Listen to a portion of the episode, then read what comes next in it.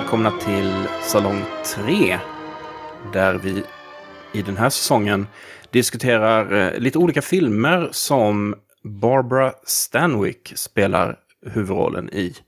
Och eh, i det här avsnittet så har vi kommit fram till en film från 1941 som heter Ball of Fire. På svenska Jag stannar över natten.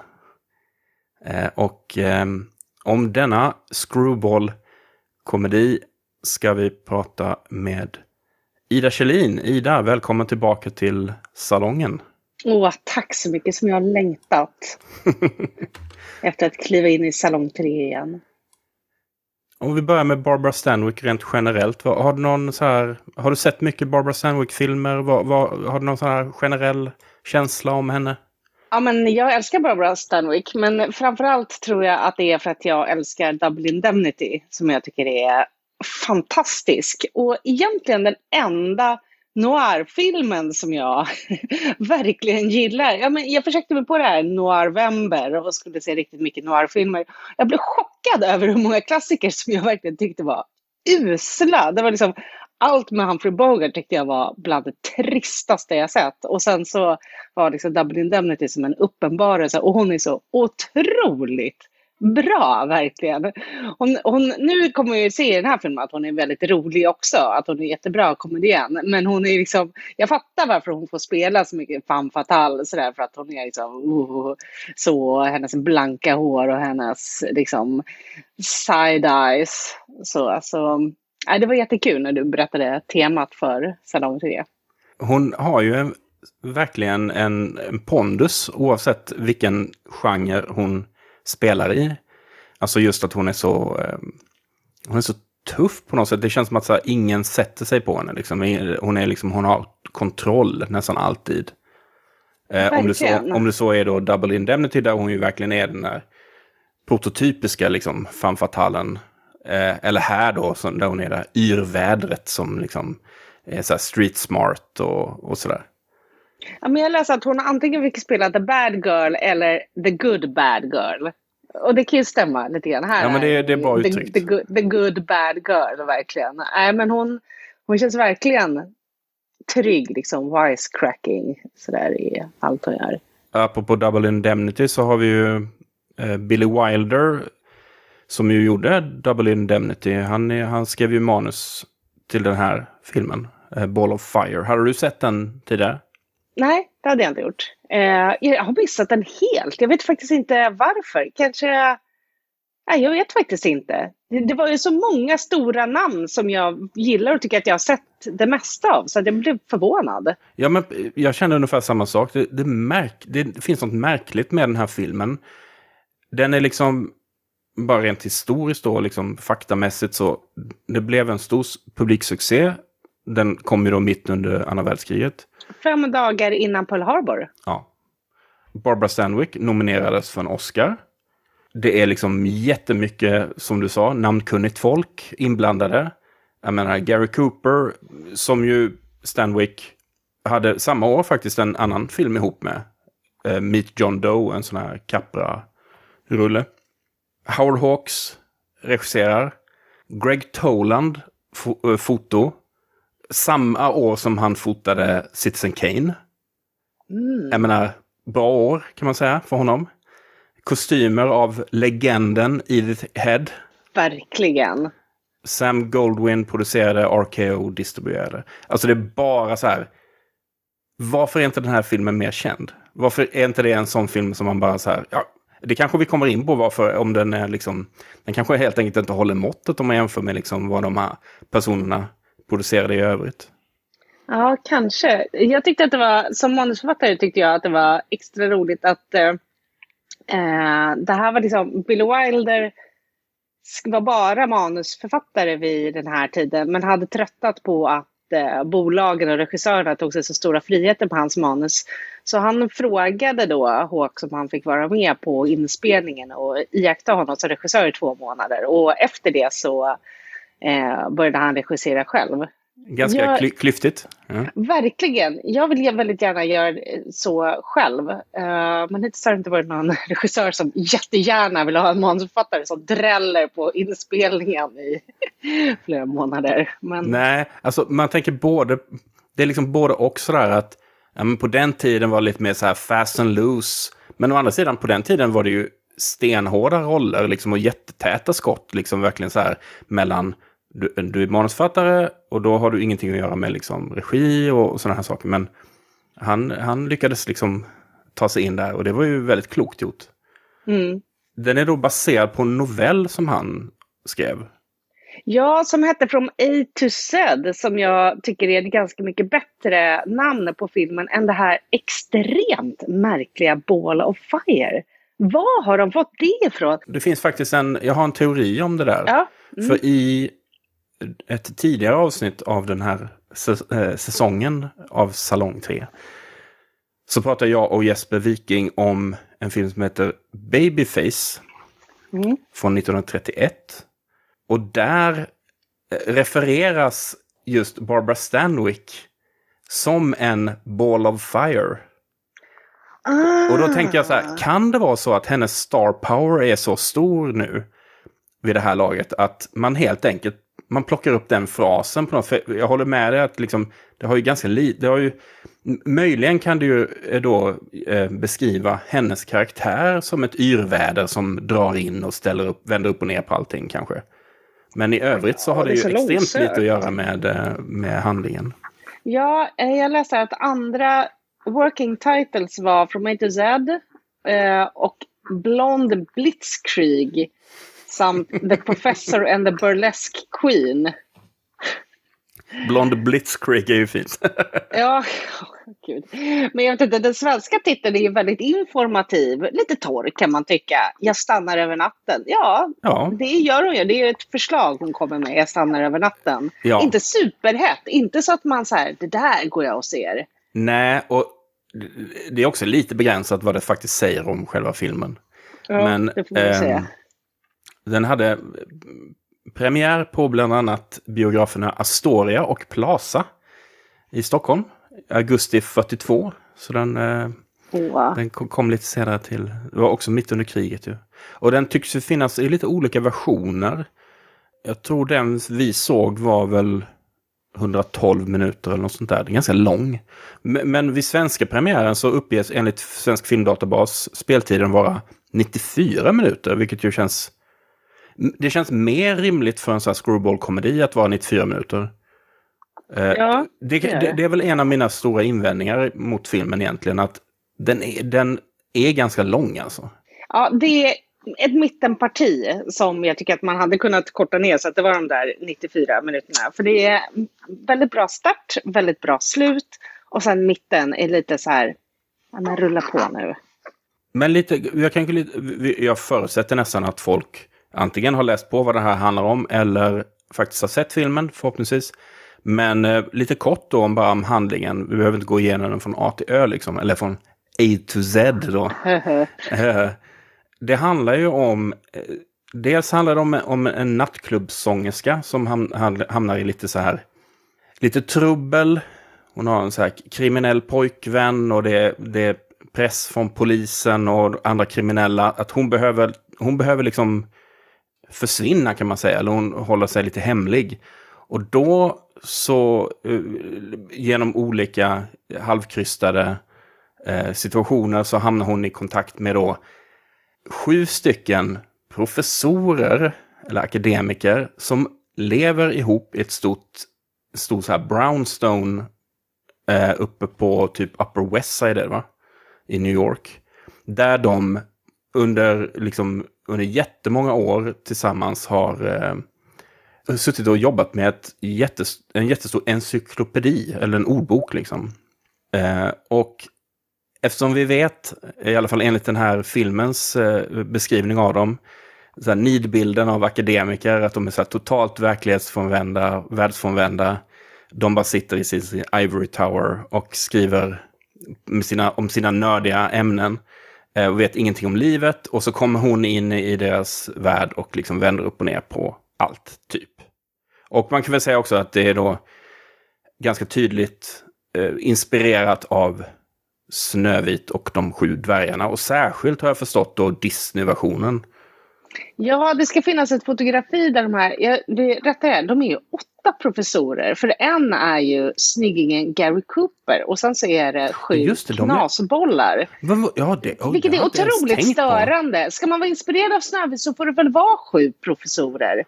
Du, det, det, det, det missade jag. Vilken jättekonstig grej. Nu ser jag ju här på affischen här att ja visst, de är åtta.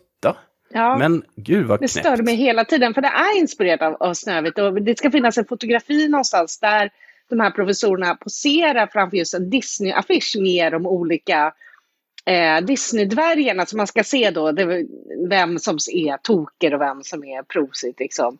Eh, och sådär. Men det finns ju en, nämligen snygg Gary Cooper, som är liksom utanför det här gänget. Ja, han sticker ju onekligen ut får man ju säga. Ja, det roliga är att två av professorerna spelas av skådespelare som är under 40, men de ska vara liksom jättegamla allihopa. Ja, det är så här ålder, kolon, gammal man. Ja. Men får man, får man ge en guldstjärna till namnen i den här filmen? Okej, först så heter ju Stanwicks karaktär Sugar Puss O'Shea. ja. Alltså otroligt bra. Eh, hennes gangsterpojkvän heter Joe Lilac och går ständigt omkring med en liten syrenknippe i, i, i knapphålet som man ska fatta. Alltså så, så jävla karaktär. Och de här professorerna har också väldigt eh, roliga namn. Där min favorit är Gurkakov. Mm. Heter en av dem.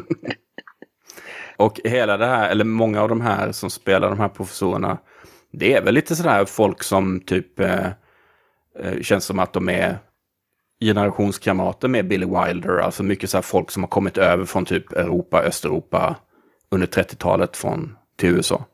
Men alla de här professorerna också, de, de, precis som dvärgarna i Snövit så har ju de sin specialitet. Det är historia och det är anatomi och det eh, och så vidare. Så. Och sen så kan de liksom bara, de kan bara sitt ämne så och prata bara Och de kan det så jävla mycket. De är så superexperten på varsitt ämne liksom.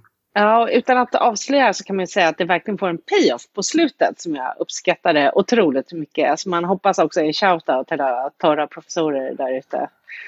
De bor ju då ihop och håller på med det här evighetsuppdraget att skriva ett uppslagsverk om liksom allmänsklig kunskap i princip.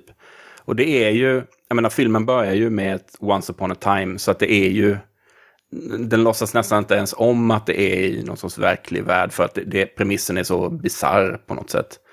Jag antar att kontentan är väl lite grann att hon ska lära dem någonting om liksom livet och kärleken och, och lite sådär. Och vad jag undrar, jag ställer frågan till dig då, är detta liksom något så här kunskapsförakt? Eller är det något så här, finns det något eh, friskt, liksom uppryckande i att så här in i, i det dammiga akademiska och virvla runt? Eller, för jag, jag, jag pendlar lite grann. Ja, men som sagt så tycker jag att det, de får verkligen sin upprättelse på slutet och visar på något sätt att, att kunskap vinner över så här, den råa brutaliteten och, och vapen. Liksom att man, de vinner ändå över k-pistar genom sina intellektuella kunskaper som de har förvärvat genom liksom sina då, eh, förvisso väldigt torra liv. Eh, så att jag skulle ändå säga att det är, det är nog kontentan sådär. Men det är ju helt klart, jag undrar om det här är någon slags urtyp av eh, liksom den här härliga Pretty Woman-kvinnan som lär mannen att så här, dansa barfota i månskenet och allt. Verkligen dansa, för att hon lär ju professorerna att dansa konga i en eh, minnesvärd eh, scen Mm. då. Där de försöker lära sig att dansa med liksom, eh, sina kunskaper. De räknar takter och de liksom lägger ut siffror på golvet och så. Men sen kommer hon och det är så här gör man allihopa. Och liksom de ser det som att fönstren öppnas och spindelväven blåser ut ur öronen på dem. Och, Ja.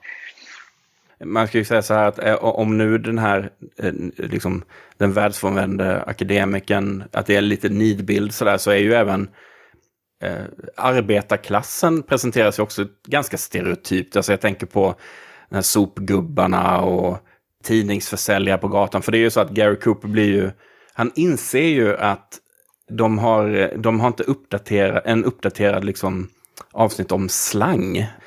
han kommer i kontakt då med liksom verklighetens folk då.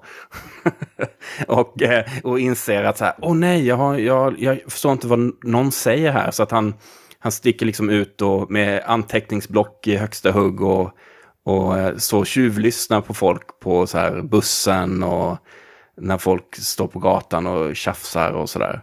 Det är ju verkligen en genial eh, idé till en film tycker jag, eller upptakt sådär. Att han är professor i engelska språk och är liksom klar med sin del i encyklopedin och sen så fattar han liksom att det är en sån gigantisk del av, av, av språket som han har missat liksom ge sig ut på fältstudier för att upptäcka de här, eh, de här orden. Det är en otroligt bra idé. Ja, det är det. Hur trovärdig tycker du Gary Cooper är som professor i lingvistik? Noll.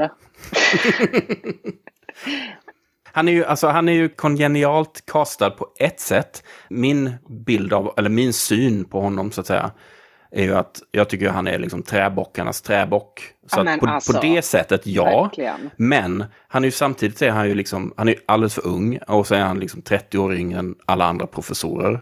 Så vad han gör han ens där undrar man ju. Liksom. Ja men verkligen. Ja, men jag är inte alls förtjust i honom. Han är som så här eh, fattigmans Cary Grant. Liksom. Jag tycker inte han är speciellt rolig eller charmig. Eller så här, han är lång och snygg. Liksom. Men eh, jag tycker att han, eh, han gör liksom ett halvhjärtat försö försök också. Ja, alltså han är ju inte rolig alltså. Nej. Han och, och jag menar särskilt då i kontrast till både Barbara Stanwyck, vilket ju är lite meningen, men också i, i relation till de andra professorerna som ju allihop är väldigt så här färgstarka eh, karaktärer. Liksom. Ja, men det gör det svårt att se vad, vad hon ser hos honom till slut. För att det kan ju inte komma som en överraskning för någon att det är att de två till slut finner varandra. Och då är det ju, ja men han känner att han börjar leva såklart och eh, genom henne för att hon är så fantastisk. Och hon får ju honom bakom ljuset för det eh, hon, hon låtsas att hon eh, är kär i honom för att få honom att göra vissa saker, skjutsa henne till hennes gangsterpojkvän där planen är gangstern ska då gifta sig med henne av den oromantiska anledningen att en fru kan inte vittna mot sin man och han är eftersökt då i, i vissa skjutningar. Eh, vad är det han heter? Benny the Creep. Otro, ett till otroligt roligt Ja. namn här. Ja, men så att hon manipulerar honom då på ett ganska taskigt sätt. Men i den här manipulationen så ingår att hon lär honom att kyssas och kallar det för yum yum kisses. Eh, eller vad nu är. Eh, och sen så till slut så faller hon för honom också. Och man undrar vad det är som får henne att Precis, eh, det, det, det, finns, det finns ju ingenting riktigt som får henne att falla. Det är bara så här, filmens logik dikterar. Ja. ja men det är som att han håller ett... Det, det är som, eh, ja, men vi pratade ju om att den, den är lite seg och lång i mitten. Men det är som att liksom, det är väldigt mycket action sen mot slutet. Liksom. Tredje akten är ganska mycket som händer. Det blir liksom en roadtrip med alla professorerna. De ska ut och träffa de här gangstertyperna. Och där kommer det en massa avslöjanden när de är med om en bilolycka och måste övernatta tillsammans. Och, och, det. och då går Gary Coopers professor går fel och håller liksom någon så här lång... Ja, det här måste vi prata mycket om. Känner jag nu. Ja, Hans han, tal.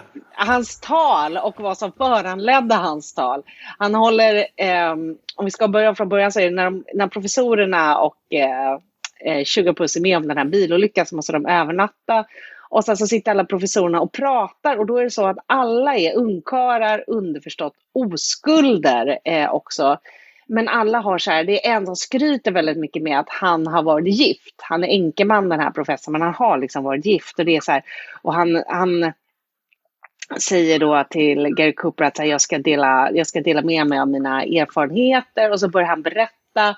Och sen så berättar han om han och hans frus honeymoon. Och sen så kommer det fram att de inte heller låg med varandra. Utan han tittade på henne när hon målade vatten akvareller och sen tog.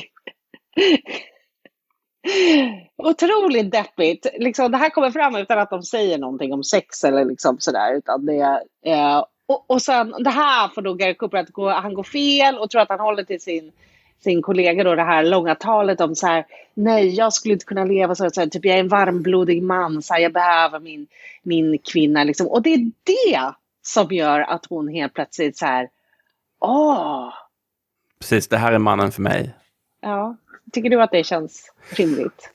Kanske. Alltså, jag tänker på vilka andra män hon har liksom haft att göra med och vilken typ av liksom bild av mannen med stort M som hon har. Så kanske det, är liksom, det kanske passar väl in i den bilden. Ja, inte. kanske. Även om vi då tycker att det är liksom så här, åh, suck liksom.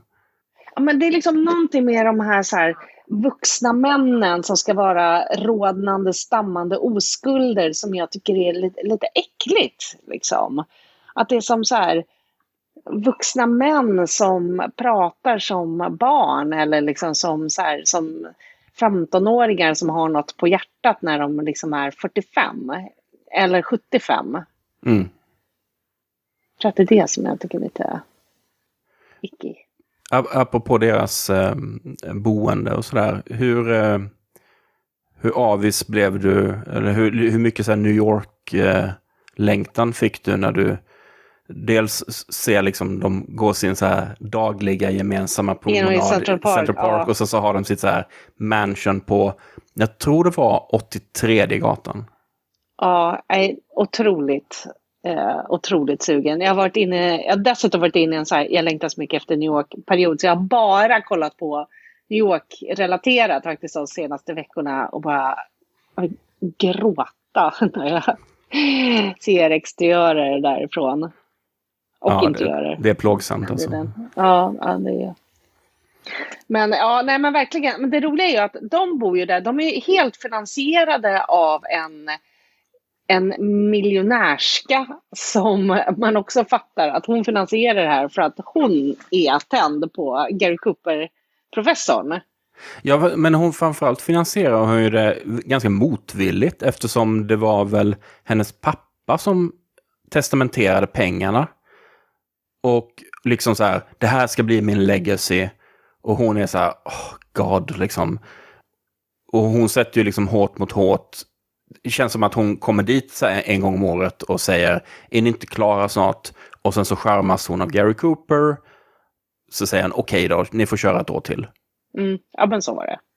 Där har det ju inte hänt så där jättemycket i dynamiken mellan så här forskningsfinansiärer och akademiker. Det är liksom, akademikerna måste ju så här kröka rygg och smickra finansiärer, så här, arvingar och så vidare. Det gör de ju än idag. Liksom. Ja, snälla ett år till, mm. finansiera mm. forskning ett år till.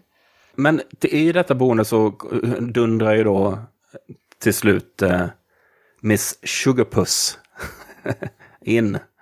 Eh, och hennes, eh, vi ser ju henne också uppträda lite på den här eh, nattklubben och sådär. Eh, dock eh, dubbad vad jag förstår det. Det är inte, henne, ja. det är inte Stanwick själv som sjunger. Nej, precis. Hon, och här har hon ju en sån fantastisk Edith Head-klänning på sig. Ja, jag tänkte säga någonting om hennes outfits. Vad, vad, ja. vad har vi för kommentarer kring, kring dem? De är helt fantastiska, men allt som Edith Head gör var ju helt fantastiskt. Hon är väl den som har fått flest Oscar, alltså av alla... Kan tänka mig det. Personer. För ja. Att, eh, ja, men det är liksom, det är som så här remsor av någonting glittrande, glittrande tyg på, liksom någon slags genomskinligt tyg. Så att den är otroligt vågad och samtidigt inte... Nej, hon ser helt jäkla fab ut. Eh, och sen har hon jättehärliga outfits i resten av filmen också. Men det är verkligen den här när hon introduceras, den klänningen som man, som man kommer ihåg. Den är helt otrolig. Jag, åh, jag tycker jag har så romantisk bild av de här nattklubbarna i New York förr i tiden. Som till exempel även Woody Allen har eftersom det är så många scener som utspelar sig där. Att det är så här, jag tänkte att du kommer in, så här, du är jättefin klädd, kommer fram till ditt lilla bord och, det bara, och du får liksom, du sitter där och röker, du får champagne. Sen så pågår det liksom lite så här, otroligt random underhållning på scenen framför dig. Så här, du behöver inte ens riktigt lyssna eller, eller titta. Så här, det är så här, flickorna i balletten liksom, kommer plötsligt. Någon komiker kommer, liksom, något så här jazzband. Och så sitter du där och så blir någon skjuten liksom. Och du så här, viftar med handen, det kommer en flaska till liksom, eller någon så här men just det dam här med de, de små borden, de små Ja. runda borden. Det är ju liksom, det, det är ju, och så att det pågår någon form av show. liksom, Liksom. Ja. Det, är, det är ju det man vill ha. Det, jag tror det är helt utrotat. Liksom. Jag tror inte det finns Ja. någonstans. Det är liksom nästan som en sån amfiteater för de sitter liksom som på balkongen ner mot den här scenen.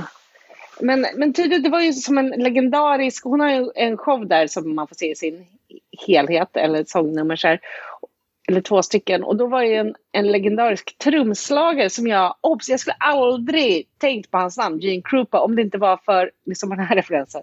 I Freaks and Geeks, se, karaktären Nick är trummis och det här är för alla som har sett Freaks and Geeks. Och Lindsays pappa sätter på en skiva med Gene Krupa och säger att här, det här är den riktiga mästaren, för då har Nick bara lyssnat på hårdrock liksom, och han blir väldigt imponerad. Så att jag var så här, jaha.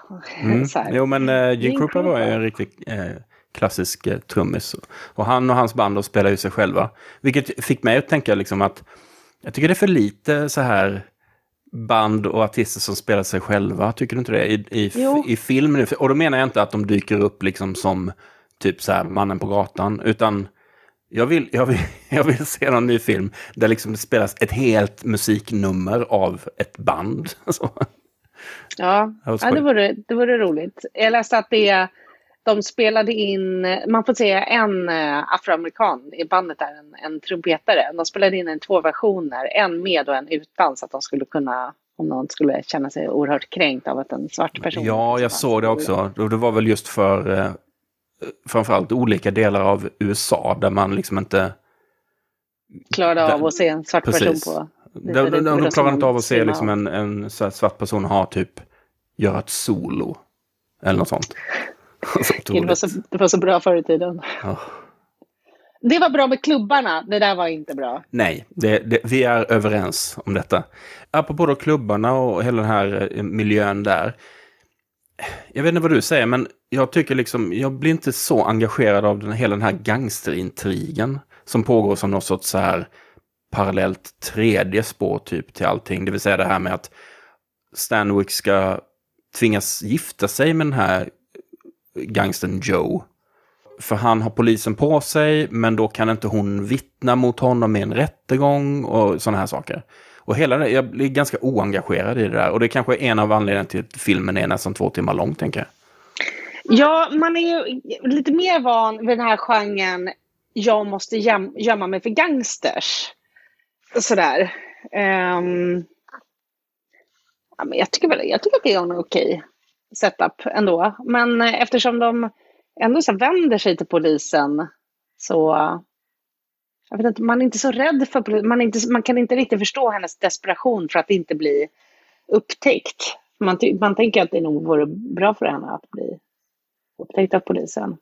Man kanske hade känt att mer var på spel om hon behövde gömma sig för gangsters för att hon var vittne till någonting. Men det är å andra sidan kanske lite uttjatat. Så.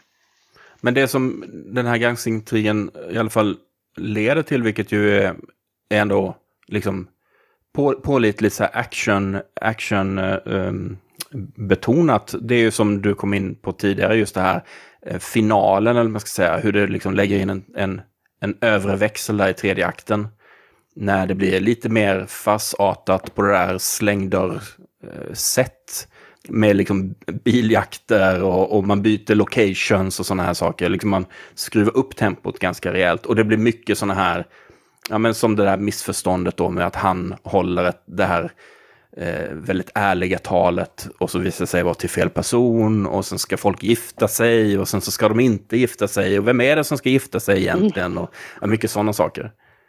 Ja, men det, den, den verkligen ökar i, i tempo. Jag, jag känner att jag nästan satt och nickade till. Det var så otroligt långdraget i att hon skulle skärma dem samtidigt som den här polisgangsintrigen stod och, och, och tuggade. Liksom så här. Men där, från och med att de åkte, åker ifrån lägenheten, de åker ut, men sen så kommer de tillbaka för att eh, den här gangsten letar upp Gary Cooper som tror att han ska gifta sig med Sugar Puss. Han tror liksom att de är kära i varandra eh, och ska gifta sig och han är överlycklig över det här. Och gangstern är bara så här, du hon är min eh, fästmö, hon har blåst det hela tiden.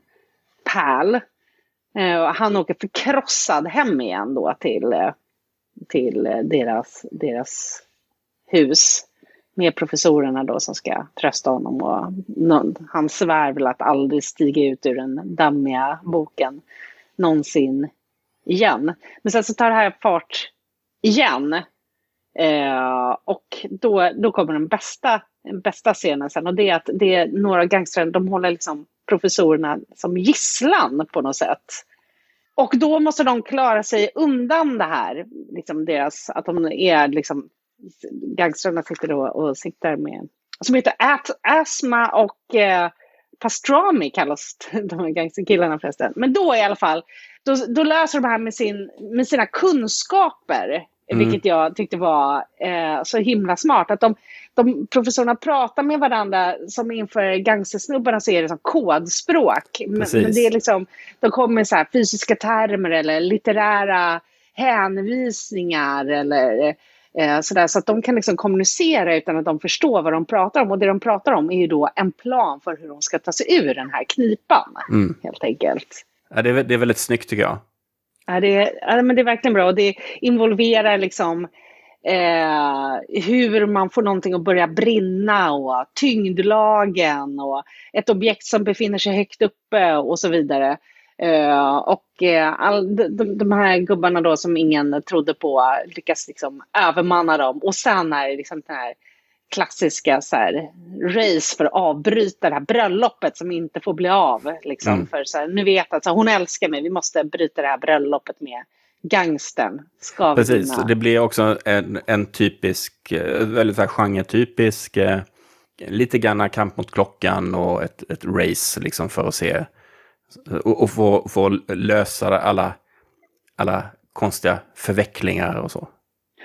Gary Cooper, vi kallar honom Gary Cooper hela tiden, det är för att jag inte kommer ihåg vad han heter, professor någonting i alla fall. Men han läser också på en, en så gammal boxningsbok där han tittar på illustrationer av så här, med så här, en korrekt stance för en boxare och liksom förbereder sig för att han ska slåss med den här oerhört hårdbarkade Joe Lilac liksom, i de här nävarna. Och det blir också en sån fight som han verkligen ser ut att förlora eh, först. Men sen så är det liksom, brinner det, brinner det till inom professorn. Han får in liksom en, en smocka. Och det, de, liksom, de fixade professorerna tillsammans.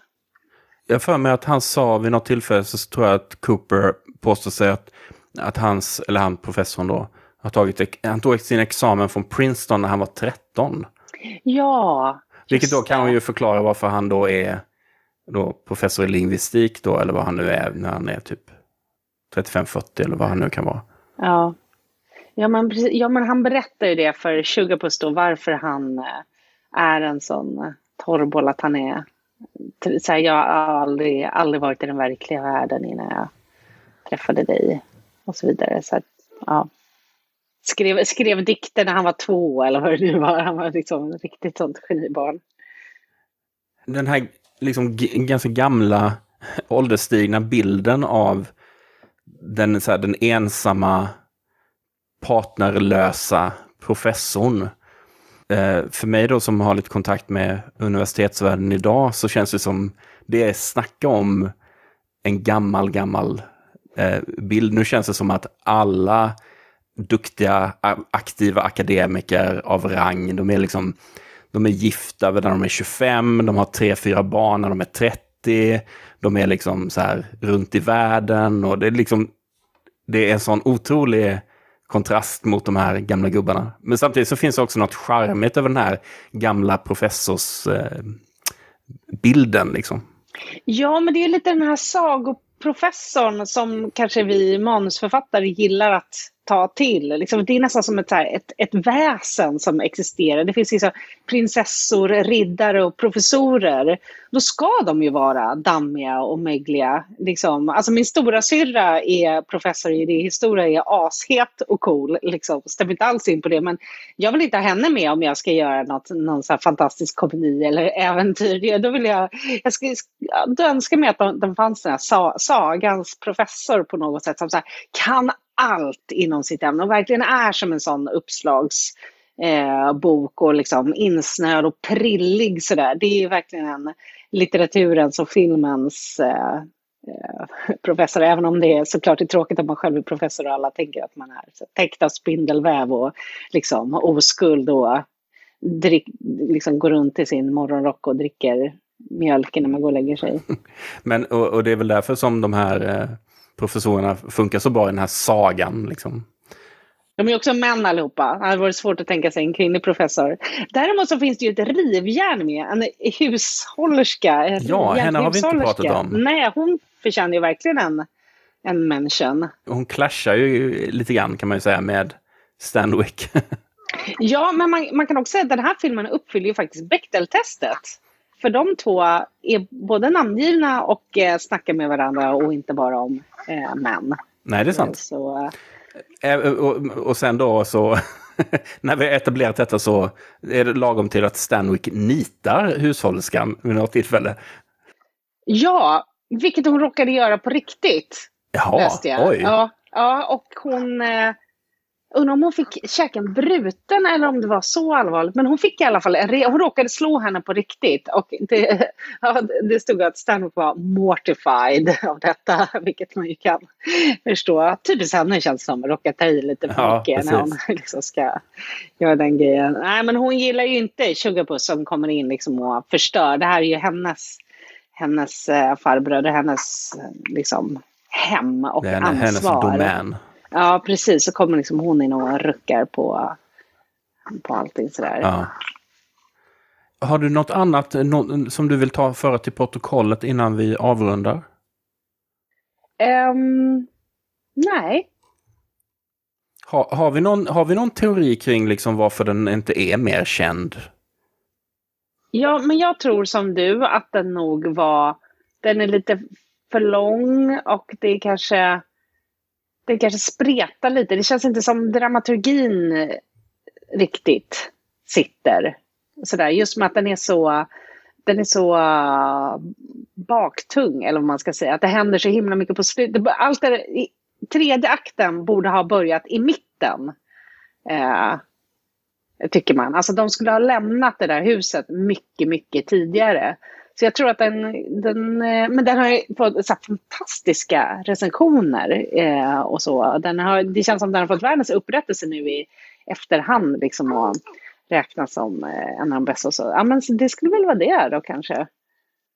Som sagt, det här var då en av eh, fyra totalt gånger som Stanwyck nominerades för en Oscar. Hon vann aldrig någon, men hon fick däremot en heders-Oscar 1982. Ja, men det var väl, det var väl trevligt för henne. Hur gick det för henne? Ja, men som på gamla dagar liksom. Hon slutade göra film runt eh, slutet av 60-talet.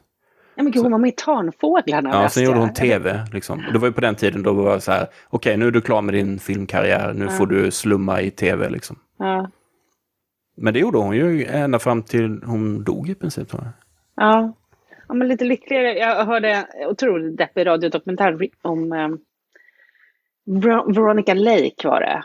Alltså det var så deppigt allting. Liksom att hon bara tynade bort på något vårdhem liksom och babblade om fornstora dagar typ. Och var hade hon en ganska, nu, nu, nu, nu vet jag inte men hon hade väl inte en jättelång filmkarriär va? Men hon var ju ändå så superkänd. Jo, men hon, hon liksom, var så här väldigt intensiv liksom kanske. Ja.